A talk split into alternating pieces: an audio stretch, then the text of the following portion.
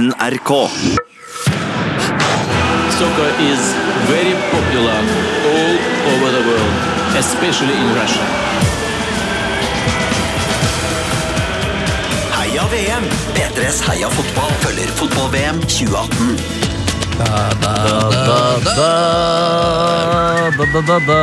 Yes, eh, Velkommen til Heia VM, episode 19. Er det 19, da? Ja, det er 19, altså, tror jeg. Så hyggelig. Ja, det tror jeg Eh, virkelig at det er. Velkommen til det, Tete Lidbom, min gode venn og kumpan. Har du det bra? Eh, ja, eh, jeg prøver på noe russisk her. Eh. Ok, Hva betyr det? Jeg elsker VM. Åh, så koselig. Eh, vi har fått en veldig hyggelig melding fra Rune på Facebook, som jeg tror har blitt angripet av autokorrekt, eh, for han skriver Hei! Vil bare takke for en glimrende podkast. Jeg tar bussen fra Tyskland til Luxembourg hver morgen. Han tar altså bussen fra Tyskland til Luxembourg hver morgen. Oi! Og og det letter veldig på turen å høre på dere. Kjør på videre! Wow! Veldig hyggelig. Jeg, jeg måtte jo svare Rune bare sånn eh, Veldig hyggelig melding. Har du blitt angrepet av autokorrekt her? Eh, for du kan vel da umulig ta eh, bussen fra et land til et annet hver eneste dag? Jo da, det gjør han. Han gjør det. Han driver altså pendler fra Luxembourg til Tyskland. Det er noe av det mest sjarmerende jeg har hørt. Ja, altså, Hvis man går fra liksom midten av Tyskland til midten av Luxembourg eh, ut ifra Google Maps, så tar det altså da fire eh, timer og 45 minutter med, med bil. Ja, Han bor heldigvis litt nærmere øh, grensa. Det er utrolig. Da har vi altså eh, både en lytter i Tyskland og i Luxembourg. Ja. Det er godt å tenke på. Det er godt å tenke på. Dette må vi skrive inn til sjefene våre. Eh, veldig hyggelig. Ellers, Tete, noe fra ditt liv? Ja, så Vi så jo eh, endelig en fotballkamp sammen igjen. Eh, Vi så England eh, ryke ut av VM eh, mot Kroatia sammen med altså Det var svigers, og det var venner. Vår gode venn Ilen var med, og det var Ilen god med stemning. bilen. Ja, Ilen med bilen. Det Ilen han som med har, dealen. ja, det er han som har Tesla, vet du. Den er så hvit, den Teslaen. Ser jo også ut som en hiphoper der han sitter i den. Eh, men det som Det er en av tingene som på en måte har brent seg mest fast i minnet, det var jo eh, Stirling lookaliken som satt ved siden av oss. Yeah. et par bord ved siden av oss. Satt en ung mann eh, sammen med en kompisgjeng. Altså, han ligna 98% på Stirling. Altså, Han ligna så sinnssykt mye på Stirling. Ja, nå synes du er snill. Jeg vil nesten ha, har nesten oppe på 99. Altså. Ja, du har det? Han var jo altså, helt lik. Ja. Men problemet var jo at Han var han, som snytt ut av nesa på Stirling. så- For problemet var jo at han hadde jo altså det sykeste eh, nyseanfallet eh, jeg noensinne har sett. Og som du påpekte etter hvert der, jeg tror ikke det hjelper at han stikker nesa si inn i pizzaeska etter hver gang han nyser. Nei, for Han hadde jo dessverre ikke eh, noe å nyse seg i. Han hadde ikke papir, eh, og da var det jo bare én ting å gjøre. Putte huet inn i pizzaeska. Eh, så jeg vil bare takke Sterling for det VM-minnet. Ja, det var vakkert, eh, men så kan jeg bare rekke en liten pekefinger da, til eh, Securitas-vakta, som synes det er litt for fett å være Securitas-vakt når det er sol, for det tok litt for lang tid, for de la merke til at eh, Stirling da hadde sovnet på bordet. Ja, det var det, han, det var iallfall noen på det bordet som det var han, hadde ja. Det var han, ja. Ok, ja, Jeg så det var noen som sovna der. Ja. Så eh, Securitas-vakta, dere gjør en fantastisk jobb, men ikke, ikke glem jobben eh, oppe i sola. Mm. Dere ser stille ut nok i de blå, fine skjortene deres. Ja, Det er en god jobb i, men det er viktig å være på jobb. Der er du god. Det, det her var jeg faktisk ganske god. Ok, da kjører vi show. Heia fotball, da. Heia fotball!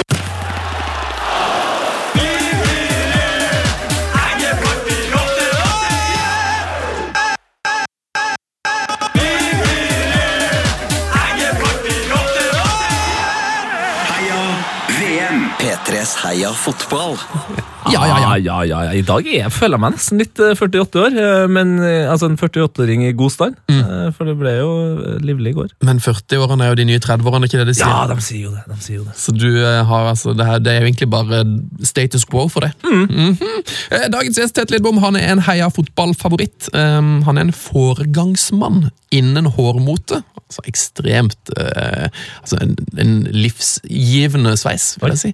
Um, han er òg en eh, foregangsmann innen diverse grener av fotballens mangfoldige univers. Eh, han er en meget dreven fantasyspiller, en meget dreven eh, breddefotballspiller og en av verdens beste i mixed zone. Hans offisielle jobb den er i Discovery, der han dekker fotball og OL, blant annet. Men vi vet jo alle, Tete, at han egentlig jobber som profesjonell stand-in for Kasper Dolberg og Gordon Ramsay. Ta vel imot en av Norges kjekkeste menn og tidligere partysjef ved Hartvig Nissen videregående, Jonas Berg Johnsen. Velkommen. Jo, takk, takk, ja. Altså, Som ofte så bruker jeg å, spørre gjesten om eh, de føler at det mangler noe i den fine introduksjonstittelen, men her legger jeg merke til at, at du ikke blir nevnt som en av de eh, beste eh, hostene av Firestjerners middag. Oh, ja. Det, Der også, ja. Det burde vært med. For Altså, den, den episoden, eh, Jonas, den er god, altså. En av de beste Firestjerners-episodene. Ja, absolutt. Hvem har du, hvem har du hatt uke med? Hæ? Hvem har du hatt uke med? Uh, vi hadde, det var en sånn OL-spesial like før uh, uh, Pyeongchang, så det var Asbjørn Myhre, Espen Sjampo Knutsen og uh, forhenværende langrennsstjerne Marte Christoffersen. Oi, oi, oi. Ja, det var, en veldig hyggelig uke, kan du tro. Det, det kan jeg tro. Ja. Det er det ingen tvil om. Eh, Stemte, det eh, stemte, jeg vet du har gått på Hartvig Nissen, men var du partysjef? eller der, der, Jeg var, der eh, her har du gjort eh, fryktelig god research. Ja. jeg var såkalt um, festsjef, ja. Festsjef, ja. Ja. Eh, det var min vei inn i revyen, i og med at eh, det ikke ble noe Skåda-spiller av meg. Utrolig så nok. um, ja, det, det, var, det var jo et visst hierarki, for jeg gikk jo på allmenn, mens Nissen, eh, Skamskolen altså, er jo en dramaskole også. Mm. Og hvis ikke du gikk på dramalinja, så var det lang vei hjem. Det, Det var jo liksom, Da jeg gikk der, så var det um, Jakob Oftebro og han derre Tooji. Ja. Og hun um, eh, Ida Elise Broch. Ja, ok. Og uh, Tuva Fellmann. Uh, P3 Fellmann. Og så var det um, eh, For et hun- nivå! Hæ? Ja, det var jo helt vilt, egentlig, når jeg tenker over det. Uh, hun eh, Maria Skappel eh, var jo der. ja, ja, ja. Og eh, han Thomas Engeseth, han som var eh, Kjell i Olsenmannen i den første filmen. Så det var jo en fryktelig fin eh, gjeng der. Ja, men, men Da kan jeg jo forstå at eh, du bare passa på partyopplegget og holdt Ja. deg bort fra scenen. Ja. Men det drifta vi veldig bra. Det ble masse inntekter til revyen og god stemning. Veldig, veldig bra. Em, du har gjort noe som mange frykter like mye som eh, å holde, holde tale i sitt eget bryllup, eh, og òg det å dø. Uh, I dag vet jeg du har vært, du har vært i interaksjon med Ikea. Ja, hvordan gikk det? Åh, kan vi stå over Det gikk såpass, ja. Ja, altså um, Jeg vet ikke hvor vanskelig det skal være å installere en oppvaskmaskin. Nei, det burde være ganske enkelt. Ja, Det står jo på pakningen at dette må en fagmann gjøre. Jeg er ingen fagmann. Eh, og så har jeg ikke fått det til. eh, På tross av eh, litt hjelp av eh, for så vidt kompiser som er såkalte fagmenn.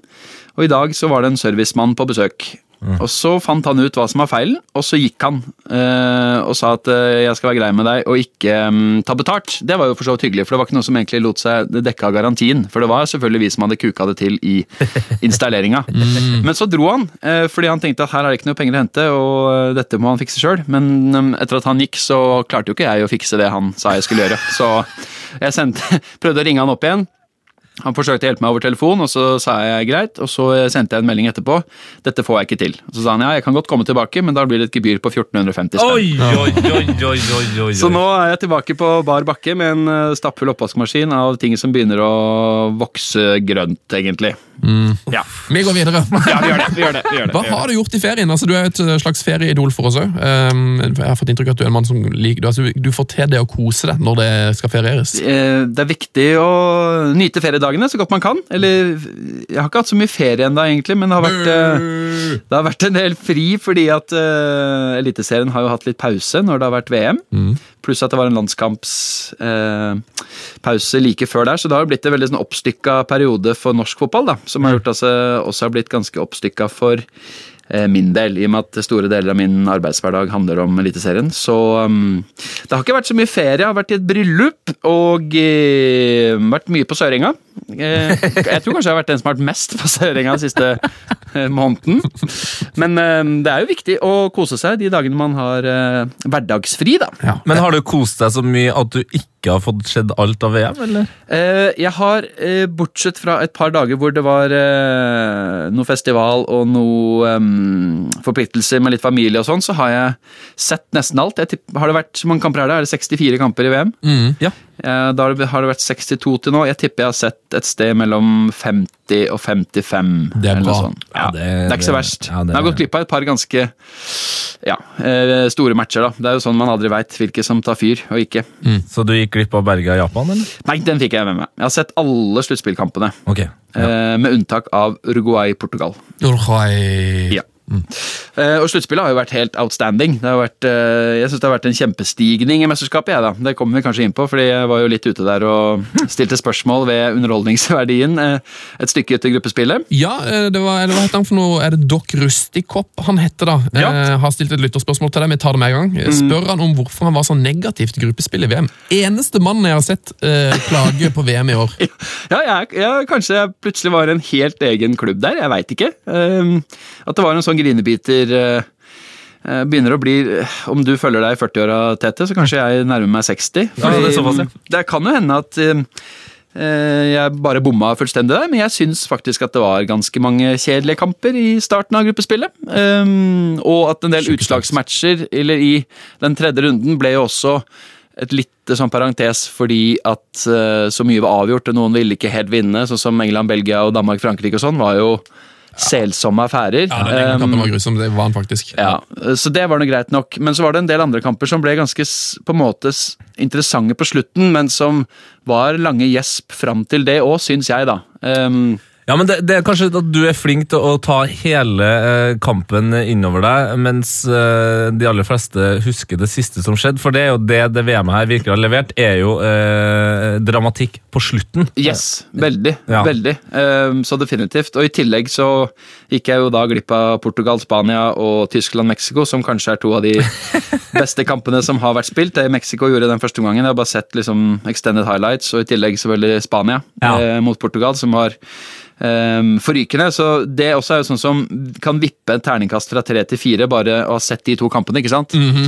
Eh, Men folk begynte å snakke om at dette er tidenes VM og sånn etter 25 av 64 kamper, og da begynner jeg å tenke at her er det kanskje på tide å roe ned litt, grann, i hvert fall, og se hvordan sluttspillet utarter seg. Fordi ofte så har jo sluttspillene blitt ganske målfattige og kjedelige og veldig kyniske, men her har det jo tvert imot vært veldig mange utrolig gøye kamper, i særlig åttendelsfinalene, syns jeg var kjempeartige. Eh, og det har egentlig holdt seg bra, litt fordi at det har vært mange lag det har vært lett å identifisere seg med eller heie på, eller man kan ha en følelse for, sånn som Danmark og, og Sverige og England. Mange, da. Eh, Men jeg, jeg legger merke til at eh, til neste VM så er det sikkert lurt for deg å ta, ta helt ferie, og så reiser du til Nord-Korea og ser kamp der. eh, Fordi de, viser ikke gruppespillet. Og, nå, så begynte de altså da å vise VM eh, fra utslagsrundene, og da eh, klipper de også ned kampene. Eh, så du får se kampen uten klokke. Og så rett og slett, de lager en slags effektiv spilletidmodell. Eh, så de viser sånn eh, Jeg tror det var, det var, jeg tror det var England-Colombia, så viste de 70 minutter av kampen.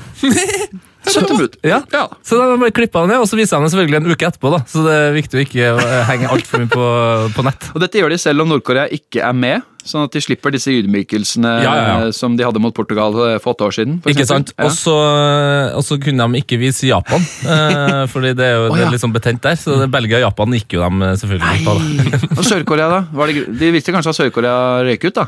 Ja, ja det, var liksom, det var jo kjempebra for dem. Det var sikkert derfor de eh, ikke tørra å ta i gruppespillet med ildtang engang. Ja, ja, ja. Ja, ja, De ja. venta til Sør-Korea var ute, ja. It's safe now.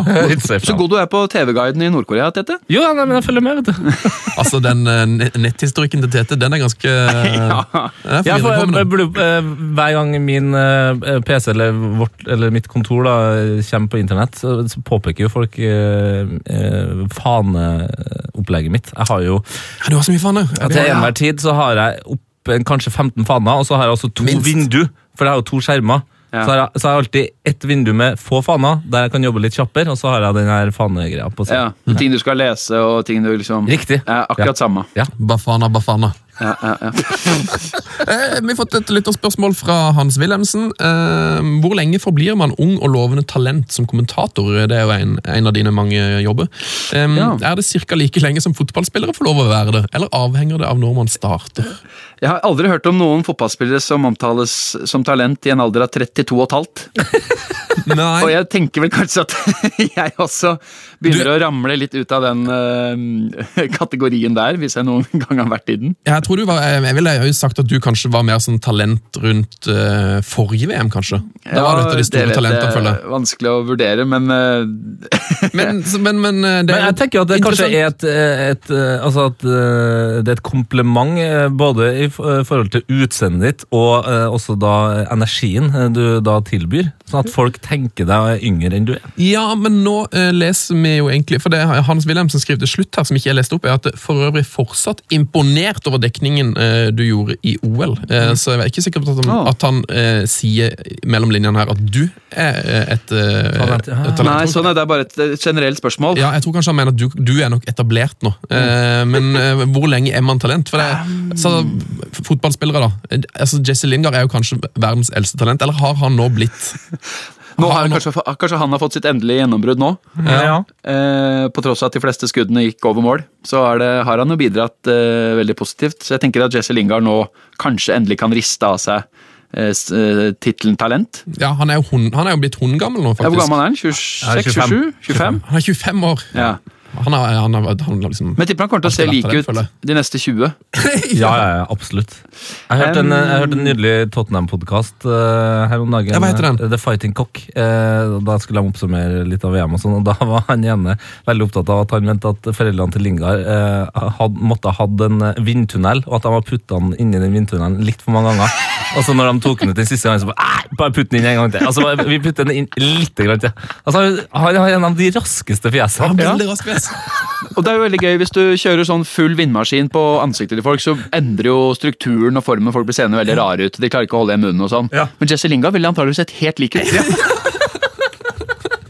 Ingen endring. Ja, men det er sånn, Om, om 15 år så kommer eh, tuppen på flyet til å se ut som ansiktet til, til Linga. Det mest aerodynamiske mennesket som er skapt. Jo, men han, eh, han bærer jo Jeg tror du kan eh, eh, få litt nytte av det også, da, når du er ute og løper der. Han er jo kjapp. Ja, Og så springer han jo uendelig. Ja, Men virkelig. Hele tida. Og det er kanskje også derfor man tenker at han er talent, da, selv om han er 25 år. Men jeg tenker at uh, talentgrensa er kanskje gått ned til 22, altså. Ja, du mener det? Jeg tror det. Altså, Stirling er 23, for eksempel. da. Hvis du skal forholde oss til Ja, engelsk. ikke noe talent lenger, nei. Nei. Det er sånn Um, Kravet for å slå igjennom har blitt liksom kraftigere, og noe som Mbappé ser ut som en eh, 30 år gammel spiller, men med kroppen til en 19-åring, så blir det litt sånn vanskelig for andre. å Ja, men han er jo et uh, fenomen. Han. Um, han kan jo bli helt ubegripelig god, så um, hvis lista legges der, så er det få som slår igjennom i den um, kategorien. Fordi han er jo så moden i spillestilen, som du sier, da, i tillegg til uh, å være så god. Um, men uh, jeg er nok enig i at den lista flyttes jo stadig vekk lenger og lenger ned. Hvis du spør, hvis du spør en, en, en gjengs nordmann, da, er Martin Ødegaard et talent, eller eh, er han nå en etablert spiller? Ja, det er et godt spørsmål. Han burde jo vært Um, et talent, men han er jo kanskje blitt etablert nå, dessverre. Ja, og når til og med Lars Lagerbäck har innsett at eh, han vil ha med Ødegaard i sin stall, så tyder jo det på at han i hvert fall er 25. For det er jo egentlig den nedre aldersgrensa til eh, Lars Lagerbäck. Men han er jo tross alt født i 1998. Han blir eh, 20 år? I desember. Så jeg føler vi må gi Martin litt grann eh, slack. Ja, det synes jeg. Jeg satt og så på The Red Wedding på YouTube i går. Um, altså Fra Game of Thrones. Nei, Brasil-Tyskland. Å, ja. Ja, det gjør vi, ja. Stemmer det. 1-7-kampen. Ja. Uh, og da, Der var jo Oskar uh, skåret jo et mål. Jeg føler kanskje Oskar fortsatt egentlig er, han, han er fortsatt litt sånn talent for meg, og han, har, han skal jo snart legge opp. Ja, Så han Men hvor er det blitt av han? Han dro til, til Kina. Ja, men uh, det gjorde jo Paulinho òg. Og Ja. det gjorde jo eh, han eh, Witzel også, men de er jo på plass. De er på plass, ja. Men det digger jeg med på linja. Altså, han har altså runda uh, fotballivet. Han eh, Dro han til Kina igjen? Ja! Ja. Han, altså, etter å ha hatt en kjempesesong i Barcelona, blir med til VM, så drar han tilbake til Kina. Ja. Legende! Men hva, hva som er, det, det er en overgang jeg ikke forstår, Nei, på altså, noe vis. altså eh, Barcelona mister Iniesta. Eh, og så bare på linja bare sånn Ja, nei, my work here is done. jeg drar, jeg, altså. Det er veldig, veldig rart. Um, og Witzel også, at de drar så tidlig, det skjønner ikke jeg. En ting er liksom uh, Carlos Tevez som får helt astronomiske summer for å stå i midtsirkelen der borte. Ja. Uh, på tampen av karrieren før han drar hjem til uh, Bocca. Men, men de som i midten av 20-åra velger liksom å jeg vil, jeg vil jo si kaste bort talentet sitt, da. Og ikke spille på den øverste hylle. Penger får de jo nok av uansett hvor de er, så jeg, jeg syns det der er litt rart. Witzel har jo kun gått etter penga hele veien. Ja, Ja. Først til eh, Russland, og så til Kina. Det må vi jo respektere han litt for, da. For det er, liksom, det er jo en ærlig sak. Ja, det, men det bare, utseendet der, så tror jeg du gjør akkurat hva du vil, altså. det, var, det var jo eh, han eh, Igalo. Fikk jo litt skryt for det under VM. Han, var, han var helt åpen på det. Sånn, jeg stikker til Kina nå, jeg, jeg tjener så mye penger der. Liksom.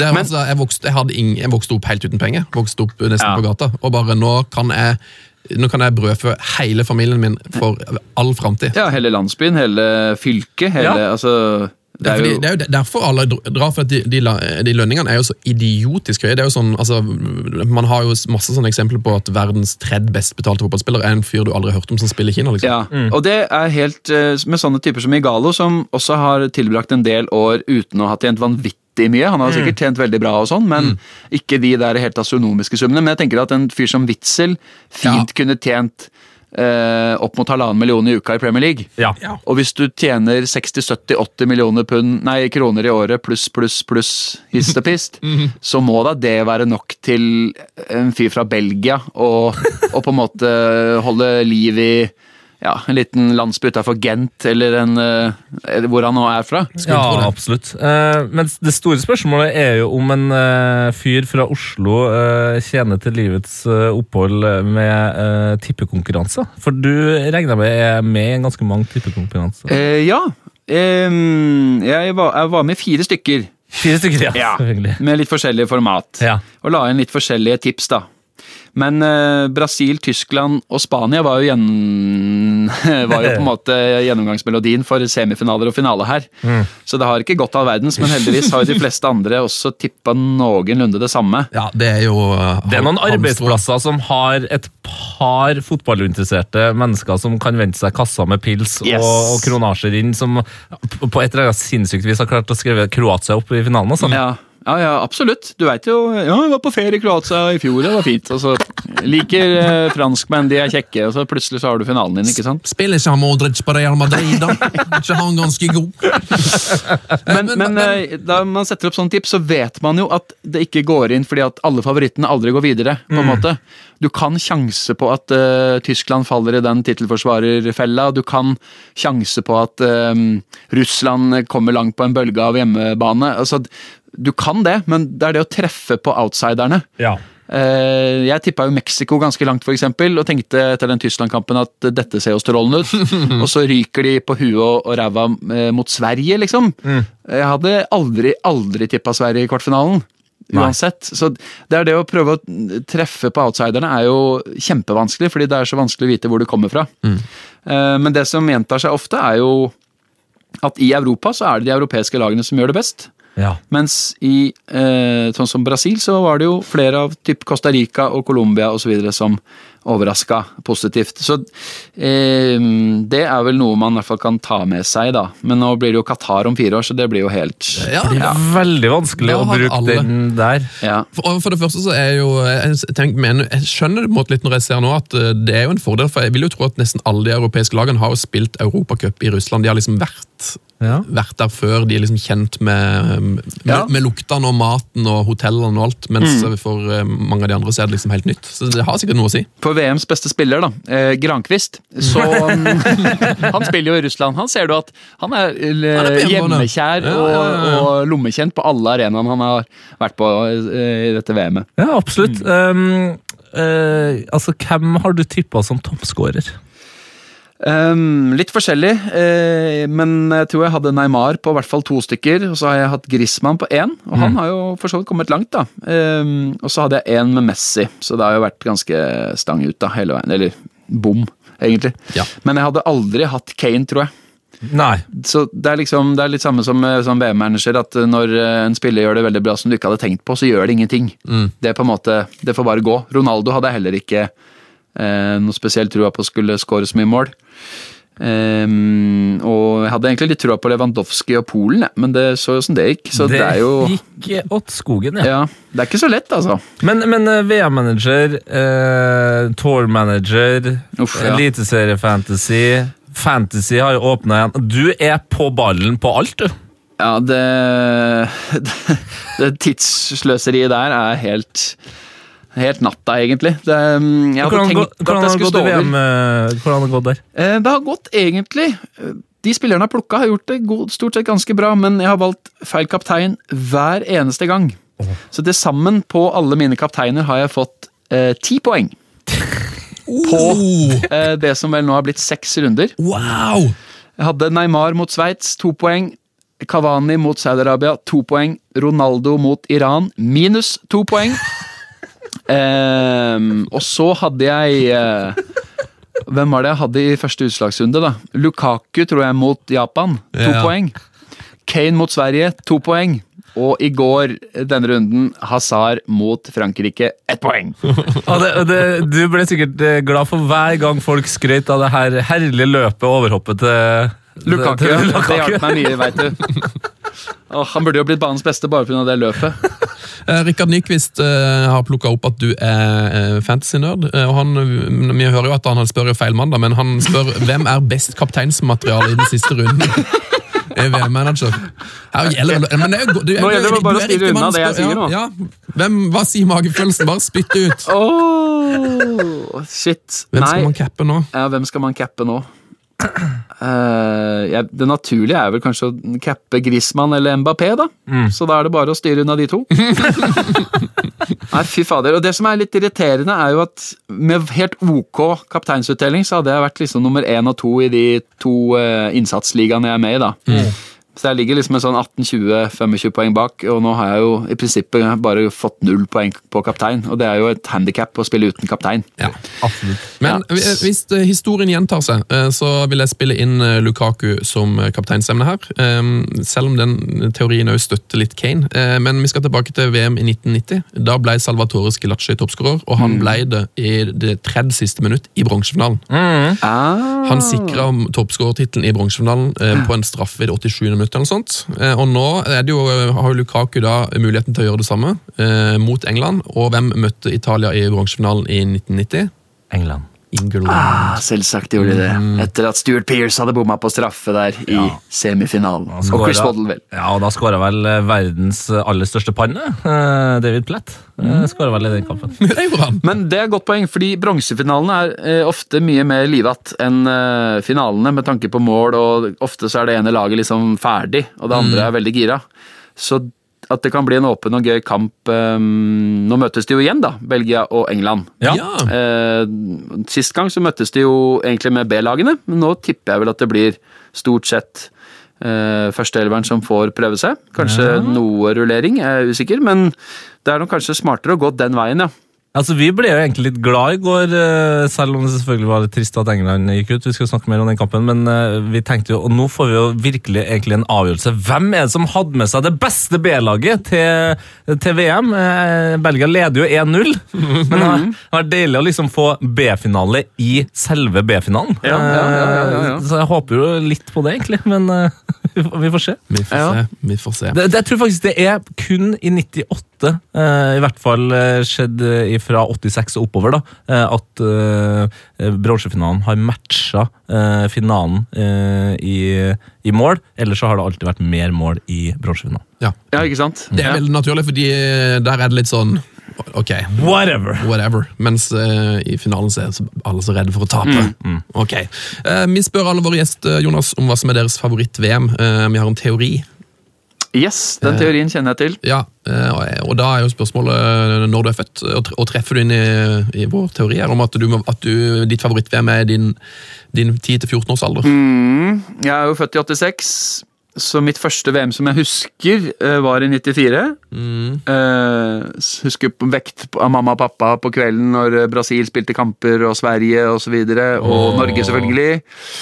Um, men det er nok 98-VM jeg virkelig på en måte gikk all in med egne resultatark og lagoppstillings-Excel-ark som jeg lagde og printa ut og holdt på.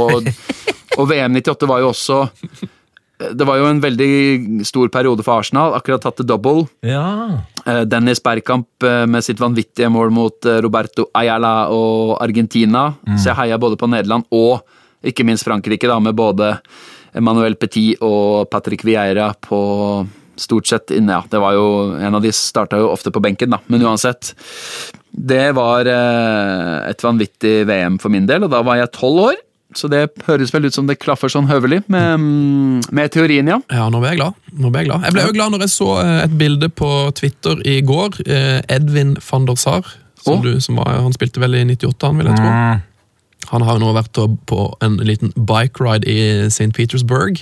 Lagt ut bilde av det. Da er han jo selvfølgelig utenfor dette her eh, vinterpalasset i St. Petersburg. Og hvem bor der? Nei, jeg har ikke peiling. Ja, Saren som bodde der, vet du. Saren bodde, ja. Mm, Fantasiaren! Ja. Mm. Oi, oi, oi, oi, oi, oi, oi, oi. Altså, den var, den var veldig lykkelig. Oi, oi, oi, oi. Der fikk du godt betalt, eh, Sunne. Ja, eh, Skal vi ta litt reklame, da, eller? Ja, det synes jeg. Vi har begynt med det nå. Jeg har alltid stilt høye krav til meg selv og min omgivelse Med all den har det blitt viktig for meg å passe på at kroppen henger med, så jeg kan holde samme høye aktivitetsnivå. Jeg ønsker å leve et aktivt liv og ha overskudd til å hjelpe andre ved å yte sitt beste. Derfor har jeg valgt Vitamin. Den er så deilig. den gir meg mye glede. Men altså, eh, fotballkjendiser og sånne reklame for eh, helsebringende eh, effekter og piller og så diverse. Ja. Eh, husker dere Drillo var jo med i en reklame Ja. for eh, et av disse enklere livproduktene. Ja, det der, For, ja. for beina hans, et eller annet sånt du skulle stikke beina oppi, og så ga det noe blodgjennomstrømning eller noe massasje eller balanse eller et eller annet sånt. Ifølge eh, ubekreftede meldinger så har jo Egil forhandlet seg fram til en cut av eh, salget. Oi! Så det ble jo ikke bare et vanlig honorar, eh, men dette ble jo en kjempesuksess og Enklere livs mest solgte produkt noensinne. Altså i 100 000-klassen. Ja, bra! Og Men når det- Egil da får en eh, 5 av hvert salg, så blir det penger, vet du. Ja, Veldig bra. For vi snakka dette, om, om, eh, om, om dette konseptet eh, med Drillo på Rockefeller. Eh, altså dette med å få seg en cut. For Drillo hadde jo da eh, fått et engangshonorar når de lagde Drillo-isen. Ja, Han-. Hans aller største smell, tror jeg, Yes. rent økonomisk. Og Og det solgt, sitter igjen, vet du. Ja, Hvor mange millioner var det den isen hadde solgt? Den var god, da. Ja, den var dødsgod. Så, men det er der Drillo kom, skjønte at eh, her Ja. må, vi, må vi skjerpe oss litt i forhandlingene. Men der ser du jo også at han, han ble ofte, han ble ofte liksom sett på som en mann som var sta og ikke progressiv i hele tatt, men der ser du jo, han lærer jo av sine feil. Ja, ja, ja. Så det snakka dere om på den uh, Å, ja. livepoden, ja. Å, ja, ja, ja. Da, men sa han hvor om han hadde tjent på dette? Det- Nei, vi snakka ikke om det der eh, enklere liv-greiene. Eh, Men det snakka mest om at han uh, var at han, Vi snakka vel mer om hvor lite ja. han hadde tjent på eh, Drillo-isen. Drillovisen, ja. Ja. ja. For det irriterte han fortsatt lite grann. Ja, absolutt. Ja. Og det må jeg jo si, altså, når man, Som fotballfan så syns jeg man kan si at Åge Hareide, Egil Drillo Olsen, Nils Arne Eggen kan stille opp på hva de vil. Arne Skeie. Ja, ja, ja, ja, ja, ja. Så bare, Selv om jeg, litt, jeg kaster jeg på blir det. litt trist eh, når jeg ser den Riks-TV-reklamen med Arne Skeie, fordi Arne Skeie er jo Norges, his- Norgehistor- norgeshistoriens beste kommentator, men akkurat der så skinner ikke det fram. For Nei, det- det er, jo, det er kanskje ikke den beste reklamen som er laget. Nei, så det, han, han, eh, han får liksom ikke visst uh, sine kunnskaper. Nei, Nei. det- nei kanskje det er ikke. Litt, litt tung reklame å se på. Ja. Se den uten lyd! Ja! Ja, da blir den mye bedre. Ja, deilig, for Det er deilig å bare se Anders Skeie. Eh, jeg vet ikke om du har fått det med deg, men nå er altså tredje og siste episode av verdens enkleste quiz eh, ute på vår Facebook. Dette er jo da altså en quiz eh, etter en idé av Sven Biskår Sunde. Manus har vi vel ikke skrevet, men det er, en meget god quiz. Um, og vinneren av episode, to er nå trukket, så dere trenger ikke svare mer på den. Det hagler jo inn med svar der òg. Men gratulerer til Erik Størdal som svarte. Eh, spørsmålet var jo uh, altså, hvem var det som skalla ned Materazzi i 2006? Ganske enkelt uh, quiz-spørsmål. Ja, ganske lett. Eh, Men Erik Størdal svarer dette er et lurespørsmål. Mener du husker at Marko Materazzi ble skallet ned av Spartak Moskvas Roman Pavlutsjenko eh, i en gruppespillskamp i Champions League det samme året? Oi! Eh, om jeg husker feil, er svaret B, siden din Zidane. Ja, viktig at han redda seg inn der, da. Synsing er ikke nok for å få en T-skjorte. Nei. Jo, det er det faktisk. Det er det. Ja, ja, det er verdens enkleste quiz. Du kan ikke gjøre noe feil. Så gå inn på vår Facebook P3 Heia Fotball eh, og delta, så kan du altså være heldig å vinne en Heia Fotball-T-skjorte. Ja, for nå er det den, den siste. Tredje og siste. Foreløpig siste. Ja, og da, Nå skal vi trekke to vinnere, tror jeg. Tror jeg bare kan garantere allerede. Frekt. Fått et lytterspørsmål fra Eirik Bakke. Ja, Oi, nå er jeg spent. Ja, det er, altså, jeg tror, jeg håper jo at det er Eirik Bakke Selveste. i Sogndal, men det er ikke helt sikkert. Nei, det er vel usannsynlig. Han spør, han spør hva skjedde med VAR i semifinalene. Å ja. Hvor er VAR? Altså, Vi har snakket om det før, men altså, nå, er, nå er det jo seriøst bare, Gone. det er bare vekk. Ja, men Var det så veldig mye å bruke var på nå i disse semifinalene, da? Nei, det, det var Det er jo noen engelskmenn som eh, påpeker at hvis Kane hadde skåra på denne dobbeltsjansen sin, så Ja. burde nok VAR ha kommet opp, fordi det ble jo Det så jo ikke ut som offside, det var jo bare armen som var så vidt innafor. riktig, og det er jo lov. Eh, Men ellers så var det vel kanskje ikke så mange VAR Like før pause så ville jo loveren Lovren og Kroatia ha straffespark. Eh, da Det så ut som eh, Harry Maguire eller var det Kane reiv ned loveren på vei inn på et frispark som kroatene hadde like før pause. Og Da kom det jo opp den tresplitten da de gikk av banen, dommeren og det var eh, rommet og reprisen av den holdninga. det, der var VAR! Ja, og den, da vet jeg ikke om hvorfor produsenten gjorde det, men eh, hver gang eh, de tar inn de VAR-bildene, så pleier det å være fordi at eh, et eller annet i hvert fall er blitt kommunisert. da. Ja. Så jeg vet ikke hvor langt de kom med det, men det var jo et klassisk sånn holdning i felt-episode, og der har jo VAR vært på sitt mest uh, lite, altså mest uforutsigbare, da. ja. Ja. De stort sett ikke har slått ned på noe som helst, hvis ikke det har vært ekstremt tydelig. Hvis ikke det har vært Kane. egentlig. Ja, ja egentlig. Mm. Men det kan jo være, altså for Lovren har jo ment veldig mye nå. Altså, Ja, det har han. Han mener så ekstremt mye, så det kan være at de bare Å ja, shit, det var Lovren, ja! Nei, men da, da trekker vi bare ja, Han begynner å bli masete. Jeg tror liksom de, nå, nå treffer folk flest Leo Modre, eh, Nei, Lovren, men du har vel litt lite Lovren-klipp òg, ikke sant? Ja, Skal vi bare ta det? Ja, jeg synes det. Vi kan gå til England-Kroatia gårsdagens kamp, og så kan vi jo begynne der. Eh, For eh, Dejan Lovren han gjorde et ganske fett intervju, vil jeg si, eh, etter kampen. Vi kan bare høre på, på Dejan. like people saying I had a difficult season, but I don't agree with that. I showed that I I took uh, uh, Liverpool to the final of the Champions League, and uh, now with the with my national team, we are in the final, and uh, I think people should recognize that I'm also one of the best defenders in the world, and not just talk um, nonsense. I will say. Hoi! Yes. Oi, oi, oi, oi, Har- Dejan. La oss spole eh, bare tilbake til det første han sier. I took Liverpool to the final of Champions League. Yes! Det er noe som Det er, det er jo en Ronaldo-statement, på en måte. Ja, og, én en ting er jo at han har fått mye flekk og den slags, men at han eh, En ting er at han ikke er enig med det, men at han også mener at han er en av verdens beste forsvarsspillere. Han går hardt ut her, Jonas. Ja, veldig. Jeg skvatt litt da jeg så det. Eh, Fordi at eh, Hadde han sagt det etter at det eventuelt hadde vunnet VM-gull, Ja. Så kunne du kanskje i større grad forstått det, men nå har han lagt seg ganske laglig til for hooks da, hvis han skulle drite seg ut i, i finalen på en eller annen måte. Ja, for jeg tenker jo at øh, grunnen til at han øh, styrer sånn og forsvarer seg så kraftig, må vel være at han sjøl også har innsett at øh, kritikken er berettiga. Det er et godt poeng. Det er sånn klassisk at når du innser at her har jeg faktisk snekket meg med til Champions League-finale, og du verden, nå står jeg her i finalen i VM òg. Ja, ja. Tror du det? At eh, Ja. selvinnsikten er såpass at han nå slår da Det er en slags forsvarsmekanisme, fordi han føler at kritikken på en måte har vært berettiga, men Ja, se på hva jeg likevel har fått til, liksom. ja altså, for det, altså, hvis, han, hvis han virkelig ikke hadde følt at den kritikken traff, mm. så, tror- over. så er det sånn Å, du har gått til VM-finalen. Det, liksom, det er så fett, da. Det er, bare sånn, det er det største som har skjedd i hele ditt liv. Så går du allikevel og tenker Du går inn i mikseren og bare sånn Nå! Jo, men kan ikke det være at du Jeg tror egentlig at han føler at han er blitt urettferdig plukka på, jeg. Jeg tror egentlig det. altså At han, selvinnsikten hans ikke strekker til det om han har vært veldig god eller helt ok eller svak. Ja. Eh, nå kjenner jo jeg en del Liverpool-supportere som mener han har fått ufortjent mye tyn. da. Det, han har jo vært omdiskutert innad i Liverpool, men at særlig etter van Dijks inntreden at, eh, at han har hevet seg, og at han er bedre enn sitt rykte, og at mye henger ved på en måte gamle loveren. At han kom jo egentlig Han var jo strålende i Southampton, Ja, det var fantastisk. og så har det tatt lang tid før han på en måte har Han, han, kan- han har ikke eh, tatt sjefsrollen på samme måte i Liverpool, og de spiller jo selvfølgelig annerledes og står mye høyere, og det har vært vanskeligere for han, men det virker lenge siden den Tottenham-kampen på Wembley, for eksempel, hvor, hvor Liverpool-forsvaret var fullstendig ute av eh, drift til havs. Og da var jo han et av bildene på det, på et vis. Da var han kapteinen eh, på, den båten, ja. Si Ja, sånn. eh, Men etter at van Dijk har kommet inn, så har det jo vært Liverpool har veldig fin målsnitt baklengsstatistikk og holdt veldig mye nullen. Inklusive da med Karius i mål, mm. som eh, ser ut til å ha fått en litt uh, trøblete start på sin preseason. um, men at Lovren går ut sånn nå Jeg ah, Det er ikke så smart, vet du.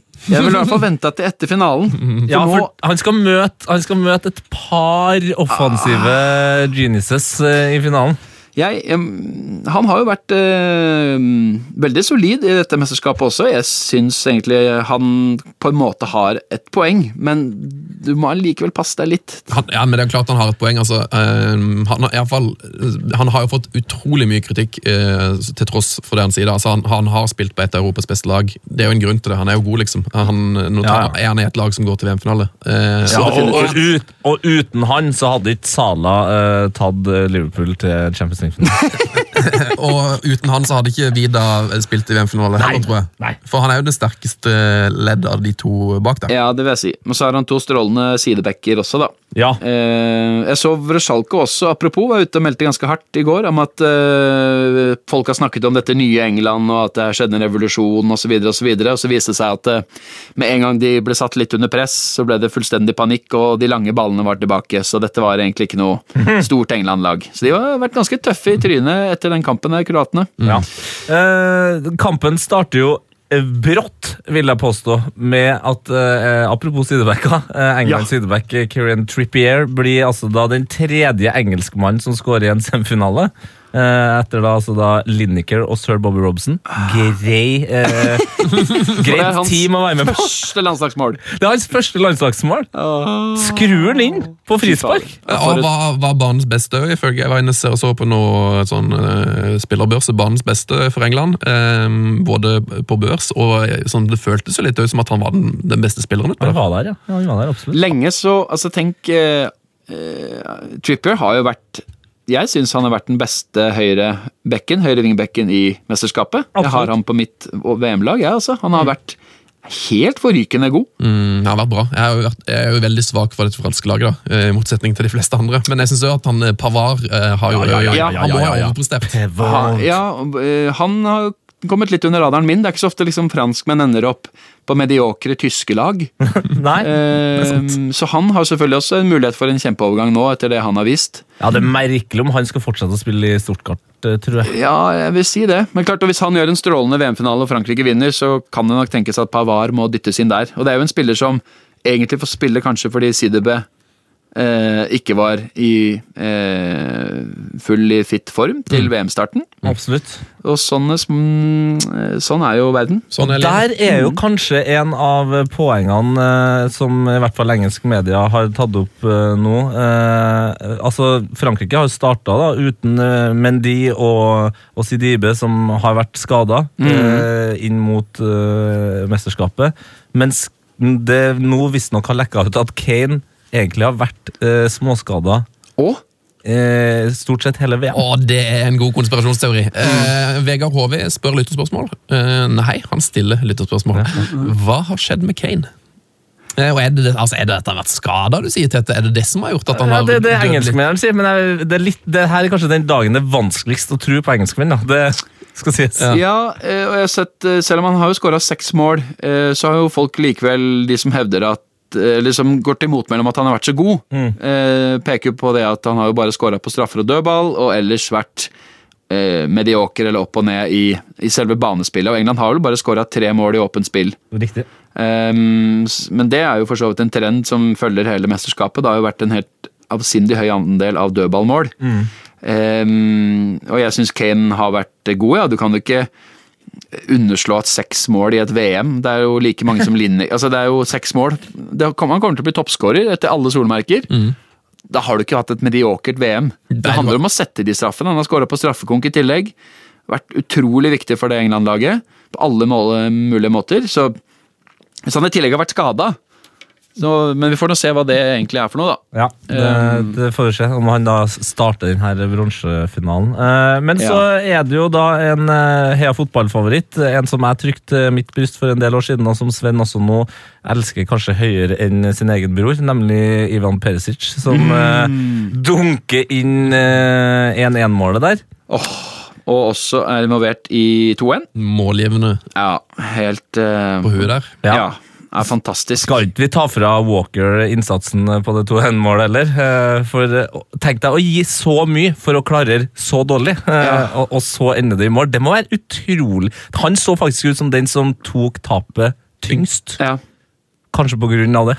Og så står jo både Mantzukic Jones, nei, Stones og Maguire egentlig litt sånn og forventer at ballen skal forlate feltet.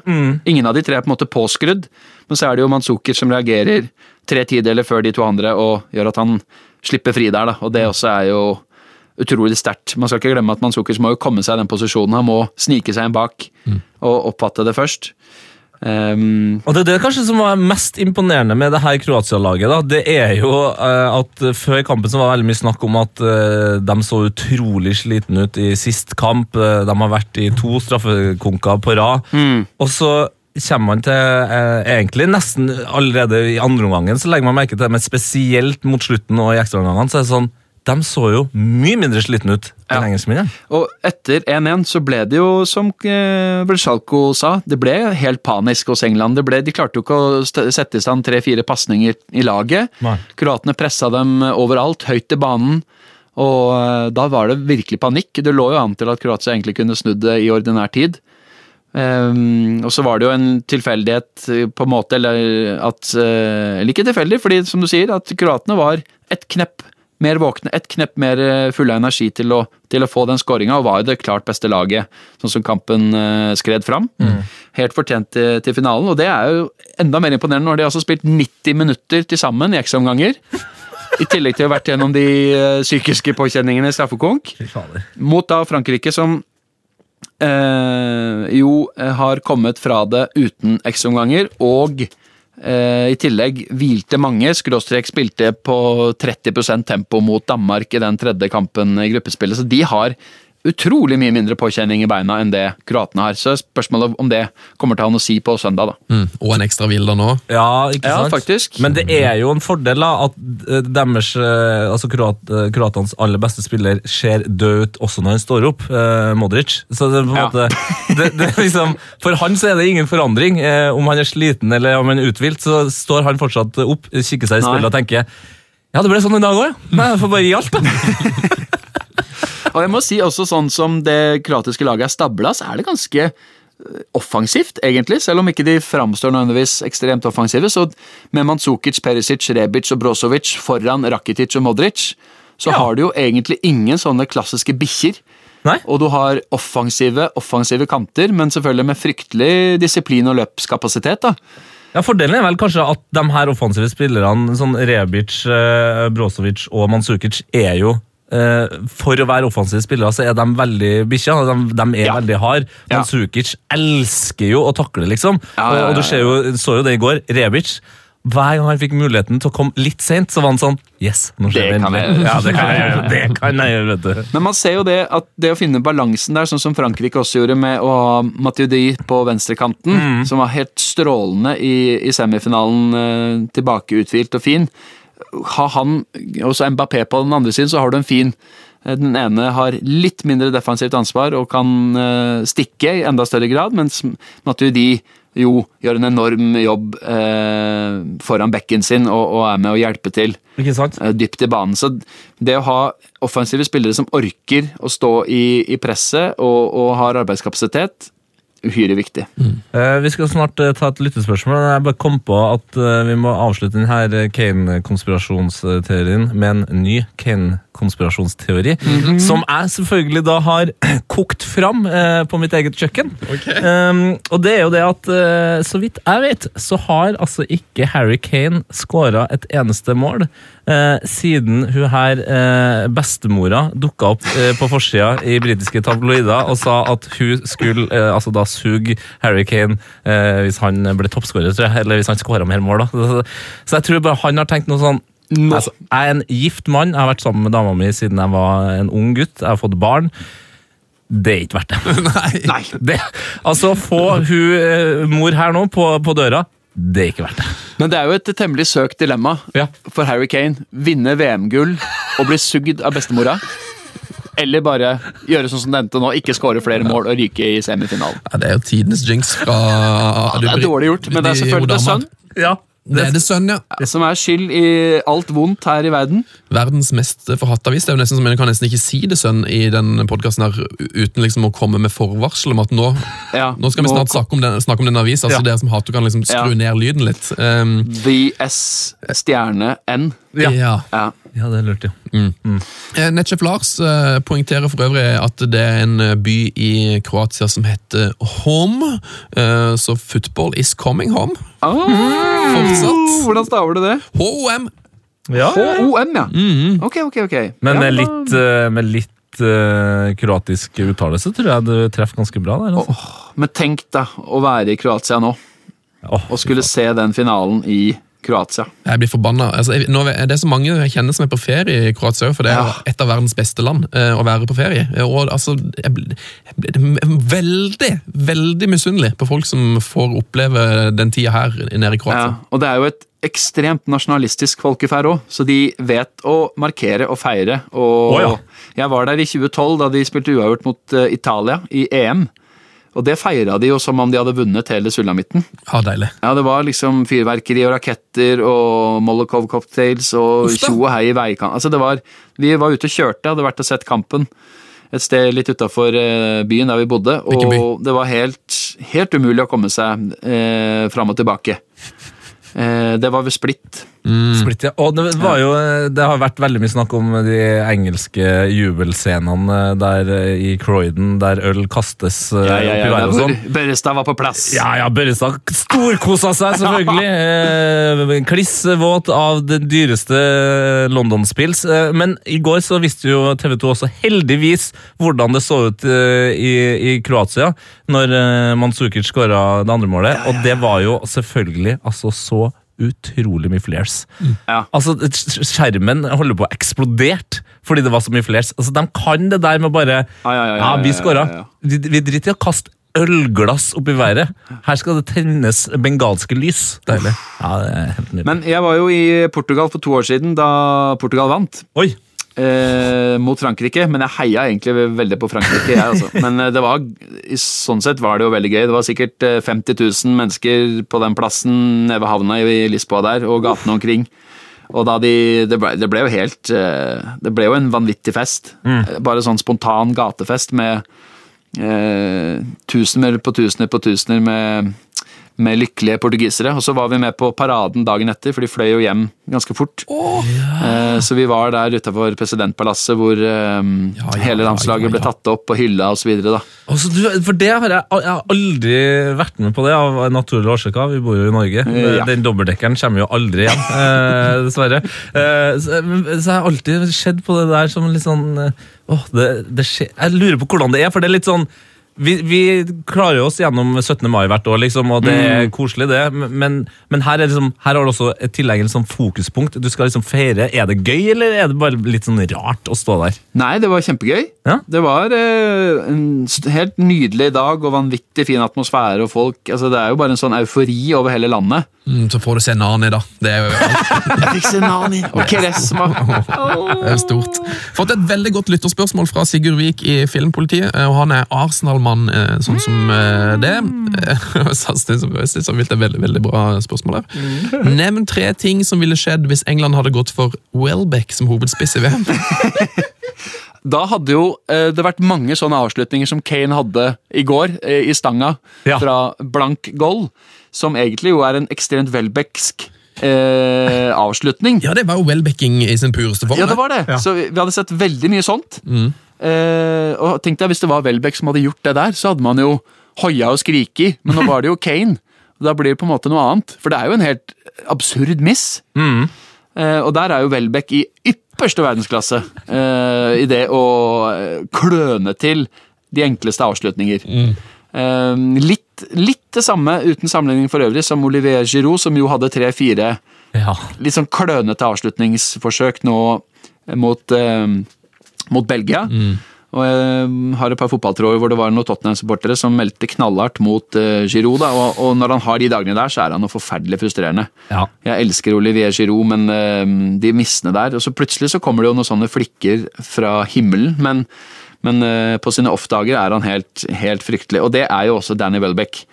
Dessverre så Altså, han blir jo ikke bedre. Han, nå er, apropos talenter, nå, Ja. eh, han er vel 27 i ferd med å bli, eller er han 91-modell? Skal vi se hvor Litt gammel usikker, men- er Welbeck, da. Han er vel rundt der, kanskje? Ja. Eh, 27, ja.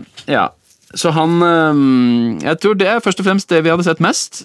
eh, med påfølgende eh, trommevirvler på, på Twitter og andre sosiale medier, og mye, vanvittig mye frustrasjon, selvfølgelig, hjemme i England. Og så tror jeg at eh, England ikke hadde gjort det så bra, enkelt og greit. Enkelt og greit. Ja, Ja, det er vel en grunn til at han knapt har vært, har han vært utpå i det hele tatt. Ja, han var, var mot, mot innom, Belgia. ja, han var vel innom der. Eh, og så tenker jeg også det, det er to eh, ganske spennende ting som har skjedd. Han hadde jo også kommet til å skåre helt likt som Kane gjorde på sitt tredje mål mot Panama. For det er også et veldig Welbecksk mål. Det er sant! Det, det er der sant. Kane blir skutt på hæla. Yes! Forskjellen er at han hadde kommet til å feire som en gal. Ja, ja, ja. Eh, og så hadde jo jobben til Mathias Skarpås Skarpaas eh, i TV 2, som eh, driver med det her Heia VM, hadde vært mye lettere, for det hadde vært mye morsomme fall. Ja. For han, Der er han altså, han tryner jo hele tida.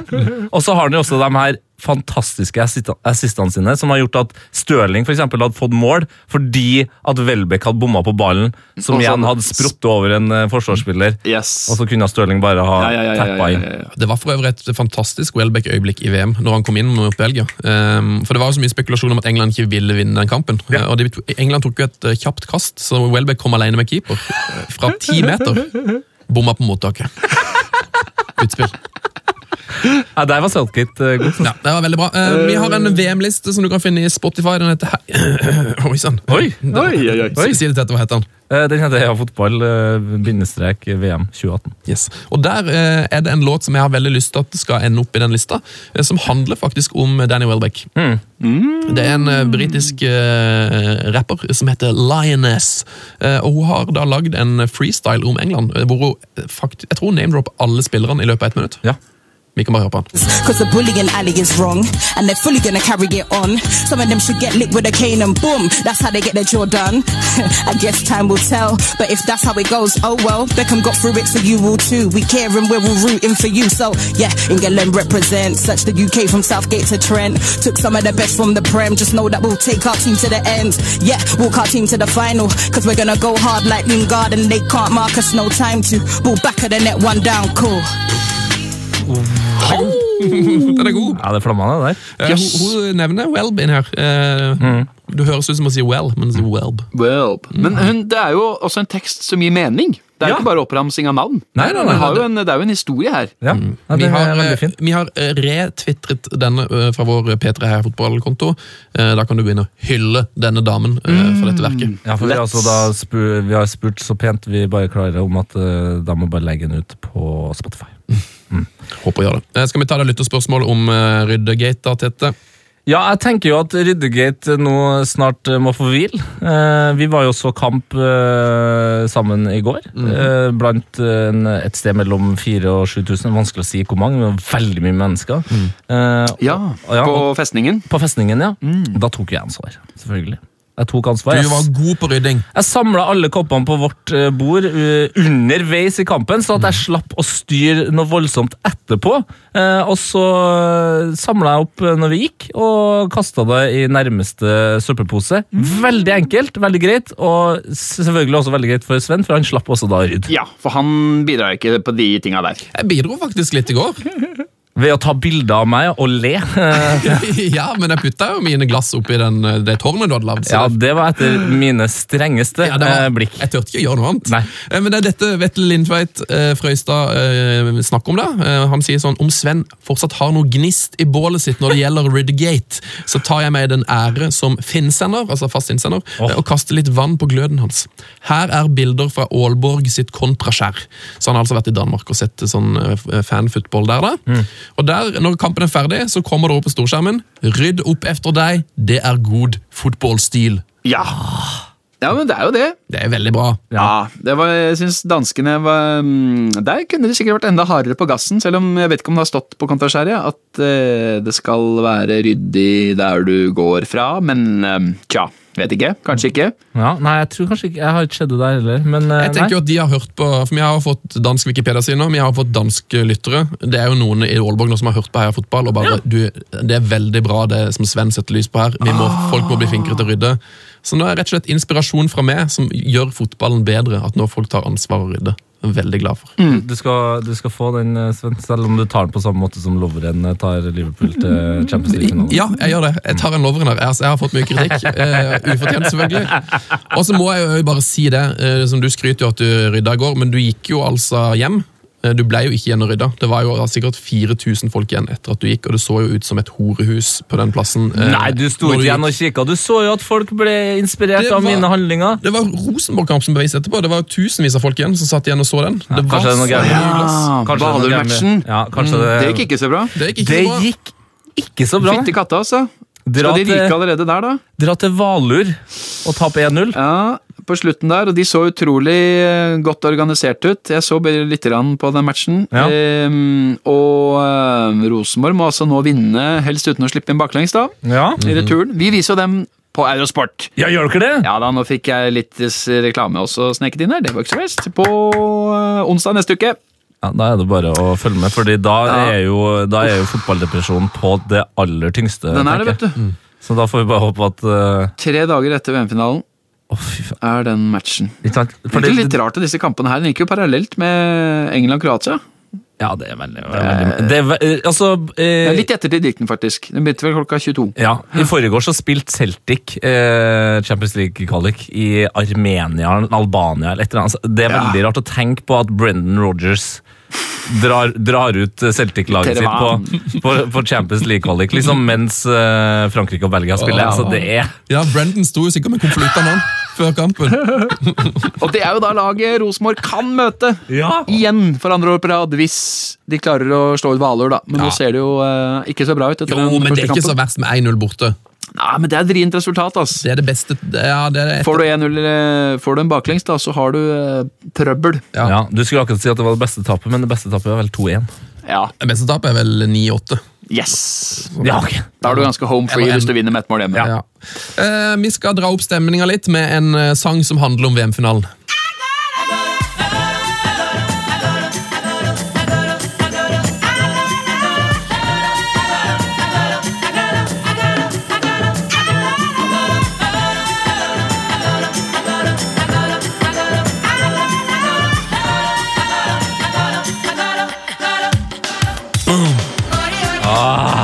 Kanté-sangen. Golo Kanté-sangen, ja. Nei. Altså, han er jo verdens beste fotballspiller nå, er han ikke det? Åh, han, fy fader, for en, eh, for en mann, ass. Jeg har bare lyst til å se Jeg har lyst til å faktisk se noe Frankrike-kamp om igjen eh, etter VM. Kanté-cam. Ja, bare se på Kanté. Ja. For han er jo en vannbærer, en eh, usynlig mann ofte, men altså hvis du liksom bare Nå har jo folk fått øynene opp for han, og når du liksom begynner å legge merke til hvor god han er, så er ja, det, er helt, eh, det er helt drøyt mye av det han finner på utpå der. Åh. Ja, nei, han, eh, han blir jo altså, han, Jeg syns bare han blir bedre og bedre. jeg. Ja, for nå begynner det å bli litt sånn uh, Før, før ball. Ja, men sånn, og før ball forbi et par-tre stykker før han gjør et godt valg. Altså, sånne ting. Når han nå får uh, skrudd til det skuddsiktet sitt, så er han jo den komplette fotballspiller. Han er gull. Eh, Frankrike-Kroatia. Eh, vi har fått et lytterspørsmål eh, som, som sier hvem hadde tippa den finalen? Ja, det er Janne som eh, jobber på Excel-bygg i eh, Urskogen. Hun har sikkert gjort det. Det er Hilde Øyasæter som stiller spørsmålet. Hvem hadde trodd at Kroatia og Frankrike skal spille VM-finale? Så svarer hun sjøl ingen. Nei. Og det tror jeg hun kan ha ganske rett i. Altså, du, eh, med mindre du har vært sånn som Jonas, du har vært inne i sånn fem tippekonkurranse, Man må begynne å Så tenke det opp, ja. Ja, så bare men, plutselig ender du opp med å svare Frankrike-Kroatia i den femte til konken, liksom. ja, men uh, det er lang vei dit, altså. Det Kroatia-laget som jo på en måte også i kvaliken mot Norge, helt siden det, og med, med så mye interne konflikter og høy Altså, han ene som eh, sitter på tribunen der ved siden av hun kroatiske statsministeren, er jo dømt til fengsel, og det er mye Altså, halve butikken er jo mafiastyrt, og er, de streika jo sånn at Kovac fikk sparken, og Ja, og Altså, det, det er det, er jo, det, er jo, det er jo kroat, kroatiske fotballfans som ikke tar eh, Modric-navnet i sin munn engang. Mm. Altså, De hater kapteinen sin. Altså, Det er fullstendig splittelse, og det er bare surr. Ja, det har vi faktisk nesten ikke rekka å snakke noe om, men eh, det han, jeg har fått, inntrykk, eller jeg har fått eh, lest uh, mye hentydning om at liksom Davor Zucker er en veldig upopulær mann i fotballforbundet her, men kjenner du til liksom, hva er beskyldningene? Hvorfor, hvorfor splitter han folk, eller hvorfor hater folk han? Nei, altså Jeg kan ikke mm, situasjonen godt nok i dag, fordi det er noen år siden på en måte leste meg mest opp til den, da Norge hadde Kroatia hjemme og borte i den EM-kvaliken. Um, men eh, Davor Zucker er jo, eh, om han fortsatt er det, er han eh, sjef i Fotballforbundet. Og han er ja, nå, jeg, jeg kan ikke historien godt nok jeg, til at eh, jeg klarer å resonnere eh, noe som helst, men mye av koblingen her ligger jo mot Dynamo Zagreb.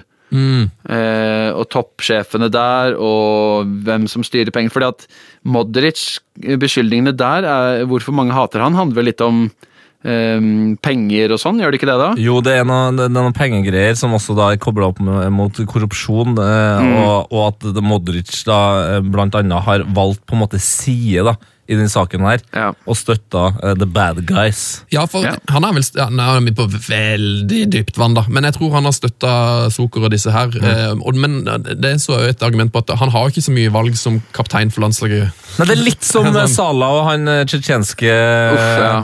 At det blir litt sånn, Her blir du bare stappa fram som en maskot, og så får du enten velge Ja, å og så plutselig er det bildet tatt, og så er, du, Ja. er det for seint. Så det det. Um, ja, nei, og det, det er jo full krig innad i eh, både Fotballforbundet knytta opp mot eh, Dinamo Zagreb da, og da vi var der nede, og vi har sett fotballkamper der før, så har jo det vært veldig få folk på tribunen, fordi mange er utestengt, noen demonstrerer. Altså, det har jo vært alt mulig rart. Eh, Så det virker som et lappeteppe og et virvar av kaos. Men um, dere må kanskje finne noen som er ekspert på dette. Det kan jo bli verdensmesteren, Det kan rett og slett. Og det fins jo noen, blant annet en som har skrevet en del Josimar eh, om eh, fotball på Balkan, som er utrolig, utrolig bra på det. Så det fins jo folk som har peiling på dette her òg.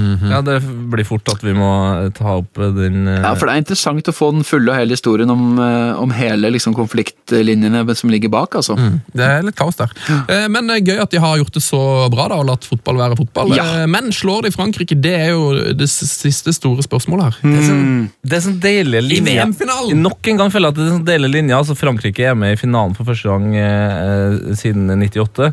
Og, og Kroatia var jo også i 98. Eh, Tapte ikke Frankrike mot Italia da i 06?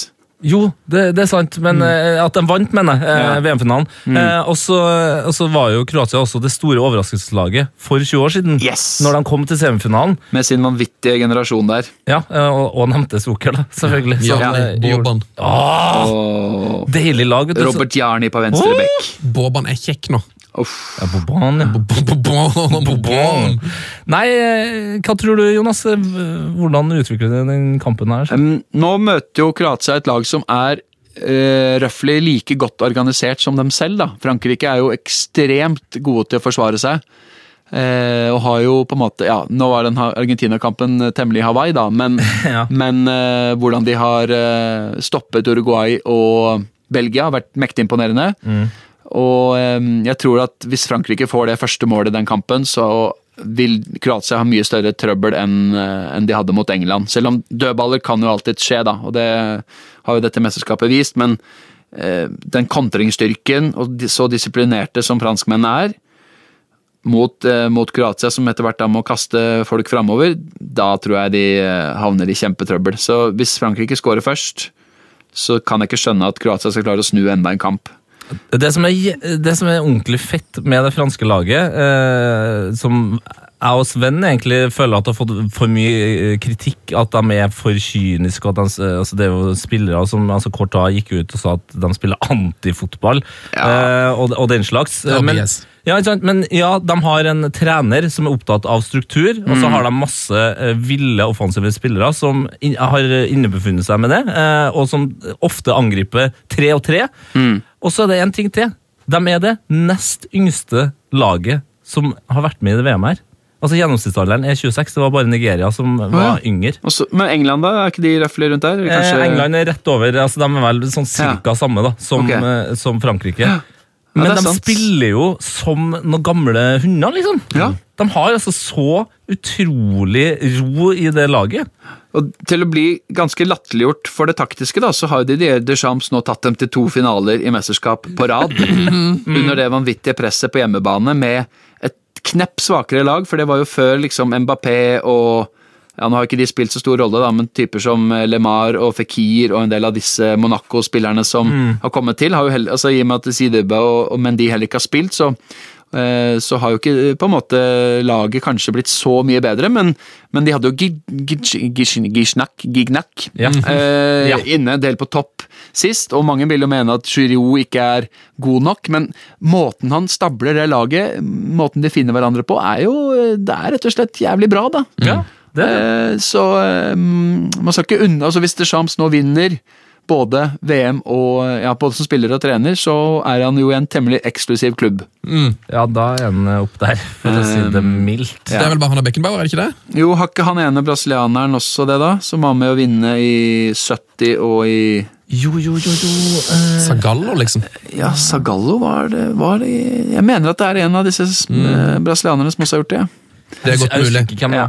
Men det er ganske bøst å vinne VM som spiller og trener. Da Da går du inn i fotballhistorien med hevet fane. må du bare få deg en sånn chill jobb i noe Ja, så, men tenker eh, ja, Nei, jeg vet ikke. Hva tenker dere om den finalen, da? Jeg har Frankrike som enorme favoritter. Du har det, ja. Mm, Da, og det har egentlig jeg òg. Og jeg har sett eh, nok VM-kamper. Jeg tror faktisk jeg har sett opp imot 60 der, altså. eh, allerede. Og da må jeg jo si at hvis du har dem som enorme favoritter, Sven, og jeg sjøl har det, så er det jo Kroatia som vinner. sånn, har jo det, sånn har jo det her VM-et vært, rett og slett. Så Men det, altså Selv om Kroatia på for all del har eh, et mye finere mesterskap enn det Hellas hadde når de vant EM, så er det noe sånn Jeg syns jo det er litt behagelig da, at de beste vinner, eh, og at det største laget vinner. Jeg er en litt sånn favorittenes mann. Jeg, jeg syns det er gøy at underdoggen eh, slåss eh, helt siste liksom, sekund, og så tape. Eh, men det er sånn, vi har hatt nok av det her nå. Eh, Leicester vant Premier League for et par år siden. Stilig nok. Men jeg syns at Frankrike skal vinne. altså. Ja. Ja, jeg, jeg har eh, Eller jeg vet ikke om jeg syns at de skal vinne, men jeg, jeg, tror, jeg tror de vinner. Uh, og så er det jo eh, en del fordeler for dem. Jeg tror spiller for spiller så har de bedre lag. Eh, og så har de en fordel med at de har fått chilla litt mer. De har litt, uh, hatt ro, noen roligere kamper, ikke så mye ekstraomgang, ikke så mye sløgg i beina. Men fordelen til Kroatia det er jo det at de har jo, de har jo finaleerfaring, og de har jo på en måte spilt tre finaler på, på rad, hvor det liksom alt har stått på spill. Så de er som vant til at ok, vi kommer oss gjennom vi kommer oss gjennom det. Så Hvis de får en i trynet, så tror jeg de på en måte har mulighet til å klare å snu en sånn kamp. Men det har ikke Frankrike kjent så mye på. Så hvis Kroatia, f.eks. for eksempel Perisic eller eh, Rakitic banker inn et mål der etter, etter 60 minutter, Ah, så spørs det hva som skjer oppi Ja. huet til disse unge franskmennene da. skal ikke undervurdere det som du sier der. altså Kroatene havna jo tidlig under mot Danmark, tidlig under mot Russland, tidlig under mot England. De har fått slag i alle de matcha. Ja, og, og altså, eh, den Russland-kampen å få det, det målet i trynet i 115 minutter, og så Ja. komme seg gjennom straffesparkkonkurransen, det er også mentalt ryddig, Ja. eh, vil jeg påstå. Og så har jo Subasic forhåpentligvis lært at det er ikke noe lurt å sette 21 mann i mur eh, på frispark. Den muren den var, det, den var det gøyeste jeg så egentlig eh, i går. Ja, den, den var vel nesten borti den kinesiske. Ja, altså, det, var, det, var, det var sånn, Du trodde først at det var sånn meme hvor folk har, liksom, skal gjøre narr av Mourinho har parkert bussen. liksom. Det sto jo Ja. ja, men det sto helt seriøst. Alle sto i mur. Ja, Nei, Det var veldig merkelig. Eh, skal vi snakke litt om din favorittfinale, Sven? Eh, bronsefinalen. Du er jo en, eh, du er en eh, forkjemper for det her elendige konseptet der man utkårer en tredje- og fjerdeplass. Ja. Du syns jo det er gøy? Jeg elsker bronsefinale. Det er som du sa i stad, det er de mest målrike kampene. Eh, altså, Sverige deres, deres lag. Ja. Bronselag, Ja, liksom. ja. Vi hadde ikke hatt det uten Nei, det er sant, det, altså. Digger det. Eh, og så er det, nei, det er gøy kamper. Og så syns jeg òg at det er litt ryddig. altså Når du, når du har snakka om rydding eh, alle, alle konkurranseformer som fins, når, det liksom, når noe ordentlig står på spill, så kårer man én, to og tre. Ja, eh, men i alle konkurranser som er livsviktige, litt sånn som VM, så kan man også kåre vinnere og tapere ved f.eks. gule kort. Det har jo skjedd. Ja, det, Det kan fungere, ja. Mm. Så det, man kunne ha gjort det på den måten. Ja, nei, Jeg skjønner ikke den uh, motstanden mot bronsemedalje. Ok, er den så dritt? Ikke se han. Det er mitt uh, forslag må se, til må dere. Ja, det, som er faktisk, er, det som er mer motstandere uh, Er finale, eller? Nei, det, for det er noe fantastisk som de gjør i NFL um, når det er Superbowl. Og det at man, når man taper finalen, så kan man gå i garderoben. Ja, slipper man det her styret med at man skal opp og, og få sølvmedaljer? Stå Sånn, ja. der og ydmykes og grine og ta imot sølvmedalje, mens de andre står og liksom sånn late som de høflige. sånn, ah, dere fortjente sølv, Men de står egentlig bare og jubler for at de har ja, gull. Ja, så må det vel stå sånn uh, Guard of Honor også når eh, vinnerlaget skal opp, selv om det på en måte sportslig selvfølgelig er fint. Da kunne jeg heller fått lov til å gå inn i garderoben og vente, og så bare gått litt slukere ut. Guard of Honor, og så bare gå igjen. Ja, eller De kunne bare satt opp en iPad og så kunne de skrevet sånn der, well done eller noe sånt. De kunne bare sendt en hilsen eller noe. Så mitt håp for bronsefinale og finale er at eh, andre- og fjerdeplassen bare kan gå rett i dusjen. Ja. Mens de som faktisk vinner noe, kan få eh, stå igjen og kose seg med det. Hvem tror du vinner, Jonas? Bronsefinalen. Jeg tror eh, Jeg er veldig spent på hvem som har mest punch igjen i beina og huet, og hvem som stiller det beste laget, og hvordan, de, hvordan det der endrer seg. Um, sånn som i, For fire år siden så ble det jo en Da var jo ikke Brasil våkna den 1-7-smellen i det hele tatt. Nei. Og tapte jo 3-0 mot Nederland. Um, mens for eksempel i 2006 så var jo Tyskland mye mer motivert enn det Portugal var.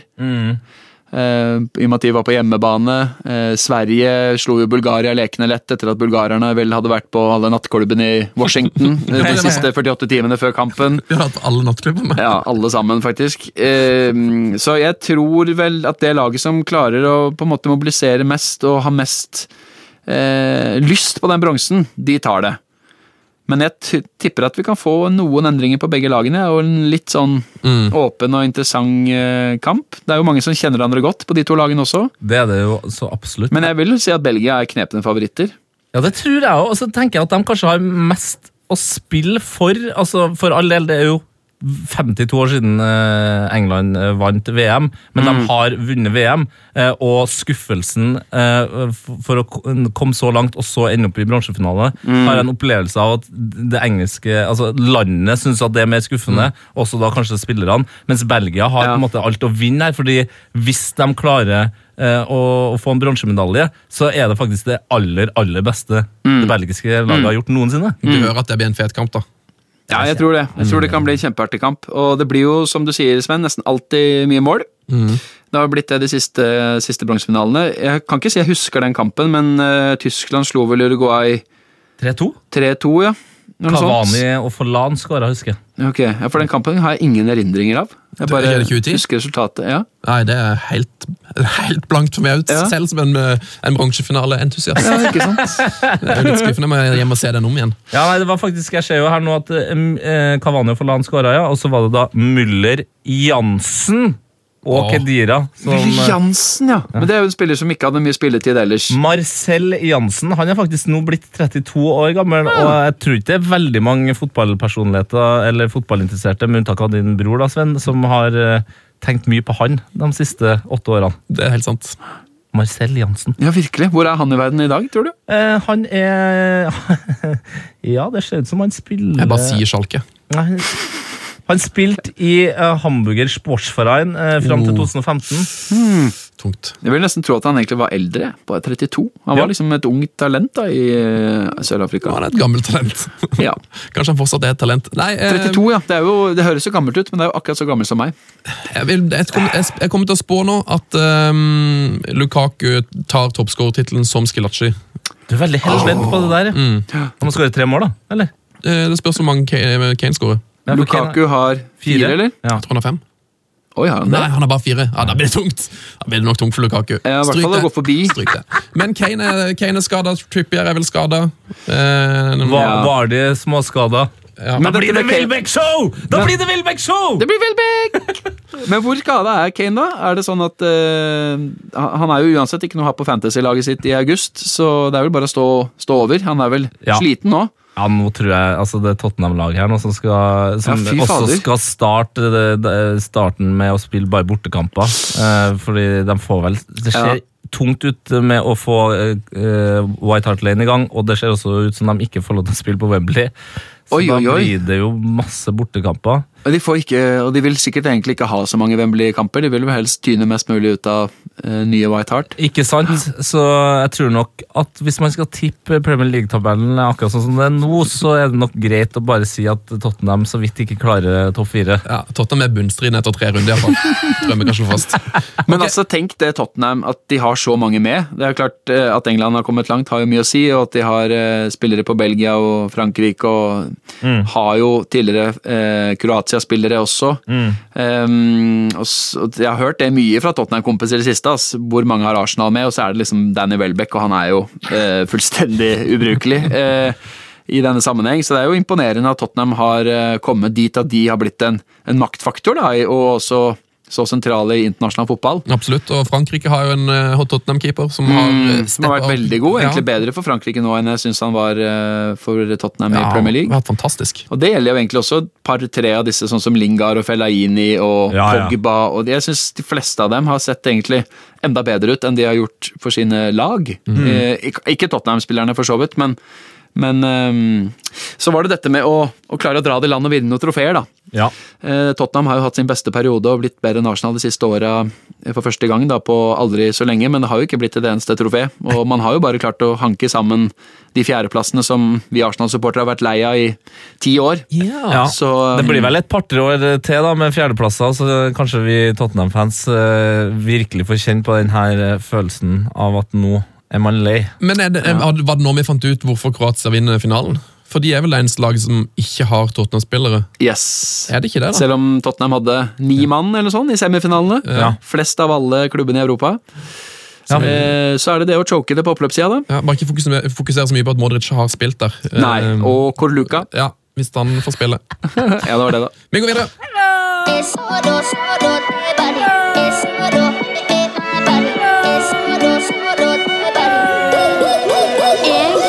Sissel Renate, og jeg er on fire.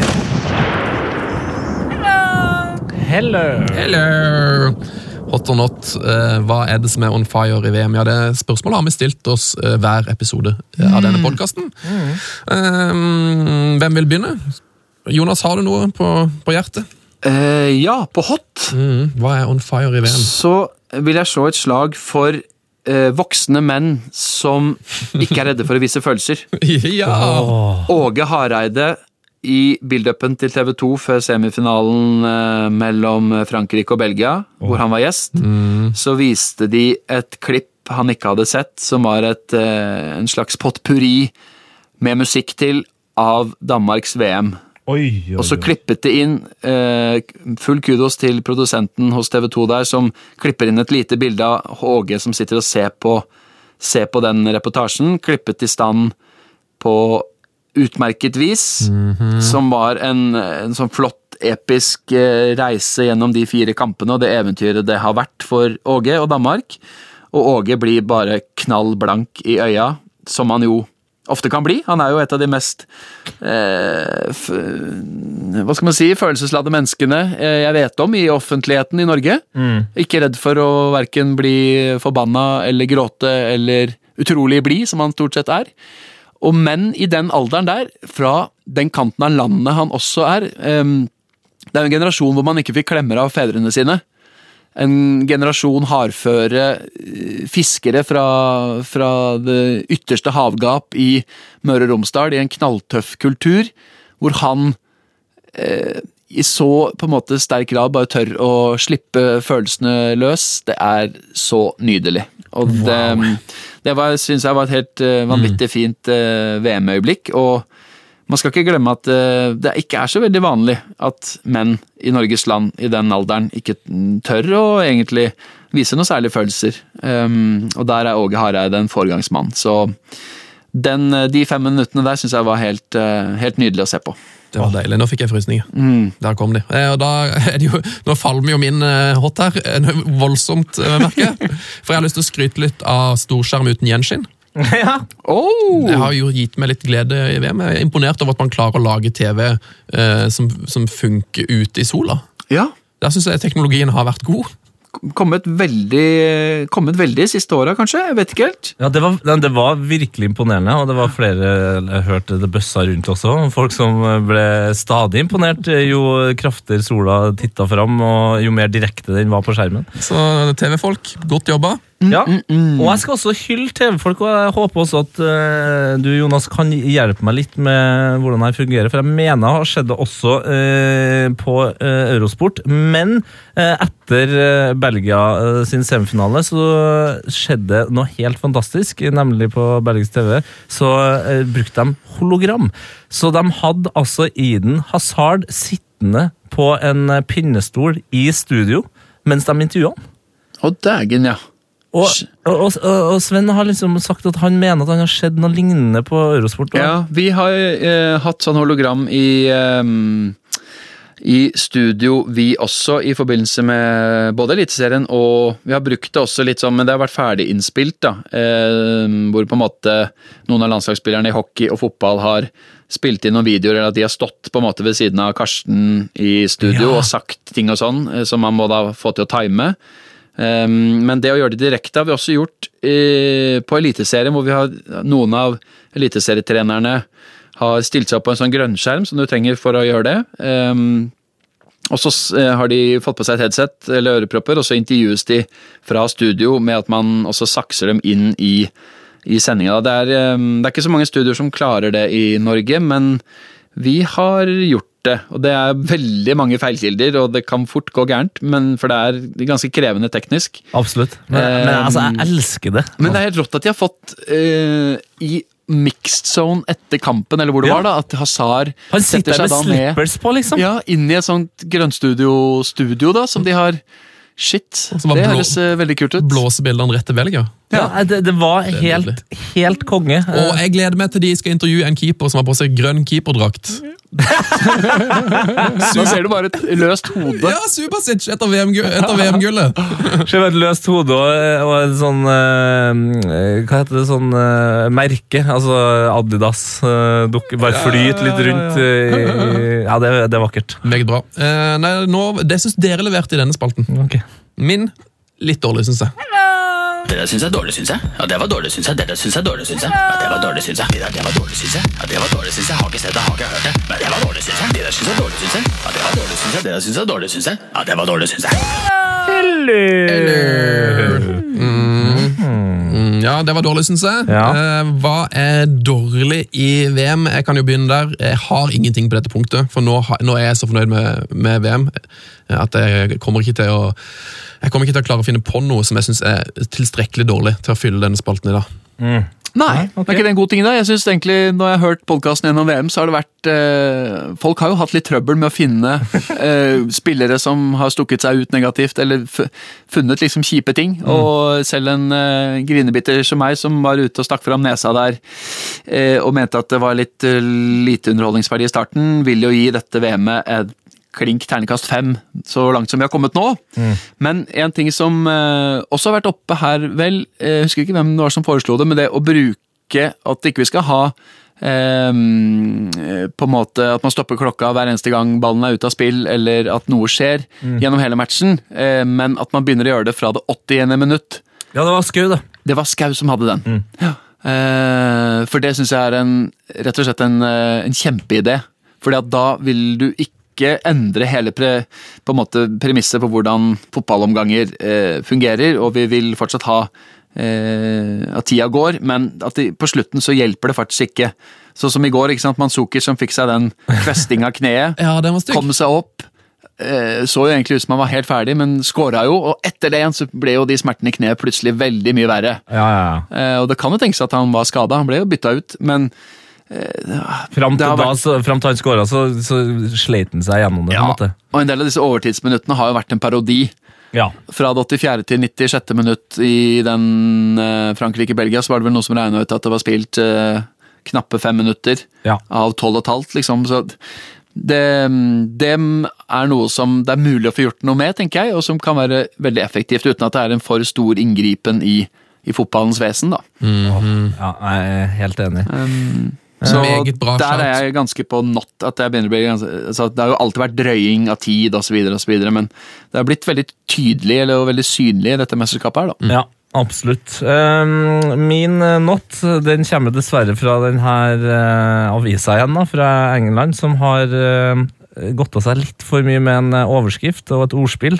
Som er, så det bare irriterer meg. Det er ikke at det er veldig veldig dårlig ordspill, men det er bare det er typisk. eh, og det er It's wagony. Altså, eh, agony er, er jo smerte, eh, lidelse. Og så har du da wags, som da selvfølgelig er de her konene til fotballspillerne. Og så er det da en bildekollasj med Maguire, Trippier, Southgate og, og andre som da klemmer de her eh, damene sine. Og jeg, når jeg så den her rullende over Twitter-feeden min, så jeg, jeg klarte ikke å få det bort. altså. It's wagony. altså få det. Nå må vi slutte. La noen spillere være spillere og kona være kona, og så bare la det være. Ja, men hvorfor skulle de Jeg føler ikke at Bags har fått så mye plass hittil. Det har egentlig vært veldig deilig, men Ja. hvorfor skulle de plutselig inn nå som det var eh, over? Nei, det er jo typisk, da. At nå skal de inn, liksom. Jeg Bli forbanna. Få det bort! Få det bort. Eh, kan jeg bare kjapt, eh, når vi var inne på regelendringa, så fikk vi jo en slags eh, beta 2 av Lahlums fantastiske regelendringsforslag, eh, der han snakka om at når folk kommer alene med keeper ja. på, på banehalvdelen til motstanderlaget og blir takla, så burde man få straffespark. Eh, og i går så kom det bort en, eh, en eh, Tottenham-fan og sa at de hadde diskutert det her og tenkt Men hva med å uppe det enda mer for underholdningsverdiens skyld? At den type straffe, straffere eh, og forseelser, det blir altså da ishockeystraffe. Sånn at de får på en måte nok en sjanse til å komme alene med keeper. Tenk hvor utrolig Det er den tingen jeg har vært mest misunnelig på eh, for folk som følger ishockey, er at de får se ishockeystraffere. Tenk om vi har fått det i fotballen, da! Mm, det er meget bra forslag. Det har vært deilig! Ja. Eh, Vi skal kåre en eh, VMs beste regelendring i neste episode av dette showet. Da er det jo altså klart for VM-lista topp 20. Yes. Har du en regelendring, eh, har du et forslag til noe som må være med i dette showet, VM-lista topp 20, så send det gjerne til oss på e-post. Heia fotballkrøller fra eh, heter vi der på e-post. Ja, du kan ta det litt saktere, dette. Heia fotball, Mm. Vi får besøk av VGs uh, Jamel Rake og Jon Martin Henriksen. Ja, ja, ja. Og Ingen. VM-lista uten VG-hitsa, som vi òg har branda dette showet som. Boom. Der er du god. Eh, så det blir helt konge. Vi skal vel filme hele shebangen nå. Eh, så, så da kan man liksom eh, ha noe hvil eh, både øya og øra på før finalen sparkes i gang på Lushniki stadion! Ja, det er plass til 80 000 der, folkens. Det skjer på søndag. Å, fy fader, jeg gleder meg. Vet du hva, Nå kom jeg over en tweet her fra Ja. Alan Smith. Den gamle målskåreren. Arsenal-spilleren og nå eh, journalist, eller ekspert. da. Ja, han Alan Smith. Ikke han som har spilt i United, eh, Manchester United og Leeds United. Nei, riktig.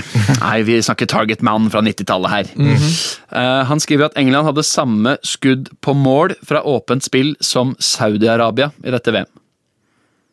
Seks skudd på mål. Seks skudd på mål på 600 minutter. Null mot Kroatia, ett mot Sverige, null mot Colombia, ett mot Belgia, to mot Panama og to mot Tunisia. Saudi-Arabia hadde tilsvarende seks, med fem mot Egypt, ett mot Uruguay og ingen mot Russland. Jeg lurer på hvor mange Premier League-kamper Kane har under seks skudd på mål. Ja, han har jo et snitt sikkert på 10-12 avslutninger nesten per match. Tenk deg det, fra åpent spill. Seks skudd på mål. Det er jo de som eh, fyrer på bålet mot, eh, mot Englands prestasjoner i dette VM, eh, får jo litt sånn hjelp da, av tennvæska til Adam Smith her. Ja, det er det ingen tvil om. Um, They're coming home. men man kan jo aldri også snakke om at det er lettere motstand på den sida av tablået osv., men altså, de er i semifinalen. Sverige, ja eh, De var ikke noe gode mot England, men de hadde slått ut Italia og Nederland i nei, i, i kvaliken og slo ut Tyskland og Mexico i, eh, på veien videre. Altså, man, eh, sånn er det jo bare. Sånn. Man kan bruke statistikk til så mangt. Ja, man kan det, ass. Ja, Men det var litt overraskende, vil jeg si. Seks skudd på mål på 600 minutter åpent spill, det er lite. Det er veldig lite, altså. Eh, Men det hjelper jo ikke å ha Lingard og Stirling på laget. Nei, det er akkurat det. Nei, det er akkurat det. Men det må jeg bare si til alle, for jeg vet at det er veldig mange som hører på, som eh, selvfølgelig er kjempeskuffa over at England ikke kom videre i går. Men mm, se det som det er, da. Det er en eh, ganske ung gruppe med spillere som har tross alt kommet seg til semifinale, og nå til eh, Svens favorittfinale, nemlig bronsefinalen. Så får en kamp til. Ja, det er jo det største. Ja. Det er det. All right, eh, Jonas Berg Johnsen, tusen takk for at du brukte masse tid eh, av ditt liv på oss i dag. Veldig hyggelig. Bare hyggelig. Og lykke Det var til, kjempegøy. Lykke til med det Ikea-greiene. Åh, ja, det får bare løse seg Ja. på et eller annet vis. Jeg skal, til, jeg skal faktisk til Oslo nå, eh, så hvis jeg finner tid, så kan jeg komme innom hvis det fortsatt er et problem. Og bare er, du, er du handyman, eh, Tete? Relativt uh, godt handy. Oi, oi, oi. Kanskje jeg skal invitere deg på bronsefinale på lørdag? da? Den skal ikke er greit. Nei, men da kan jeg stå og ordne med oppvaskmaskinen, Da har vi en plan. Tete rydder på kjøkkenet. Vi ser uh, bronsefinalen. Ok, uh, ha det godt. Heia VM, heia fotball og Fuck off! fuck off. Heyo. Frank de Boer speelt de bal. Heel goed naar Dennis Bergkamp. Dennis Bergkamp. Dennis Bergkamp neemt de bal aan. Dennis Bergkamp. Dennis Bergkamp. Dennis Bergkamp. Dennis Bergkamp. Dennis Bergkamp. Oh! Frank de Boer speelt de bal aan Dennis Bergkamp. Die neemt de bal feilloos aan. En ik schiet de bal erin. We spelen nog officieel 20 seconden. Dennis Bergkamp. P3s Heia fotball. Episode hver fredag. Last ned din nye favorittpodkast på p3.no. Podkast. P3.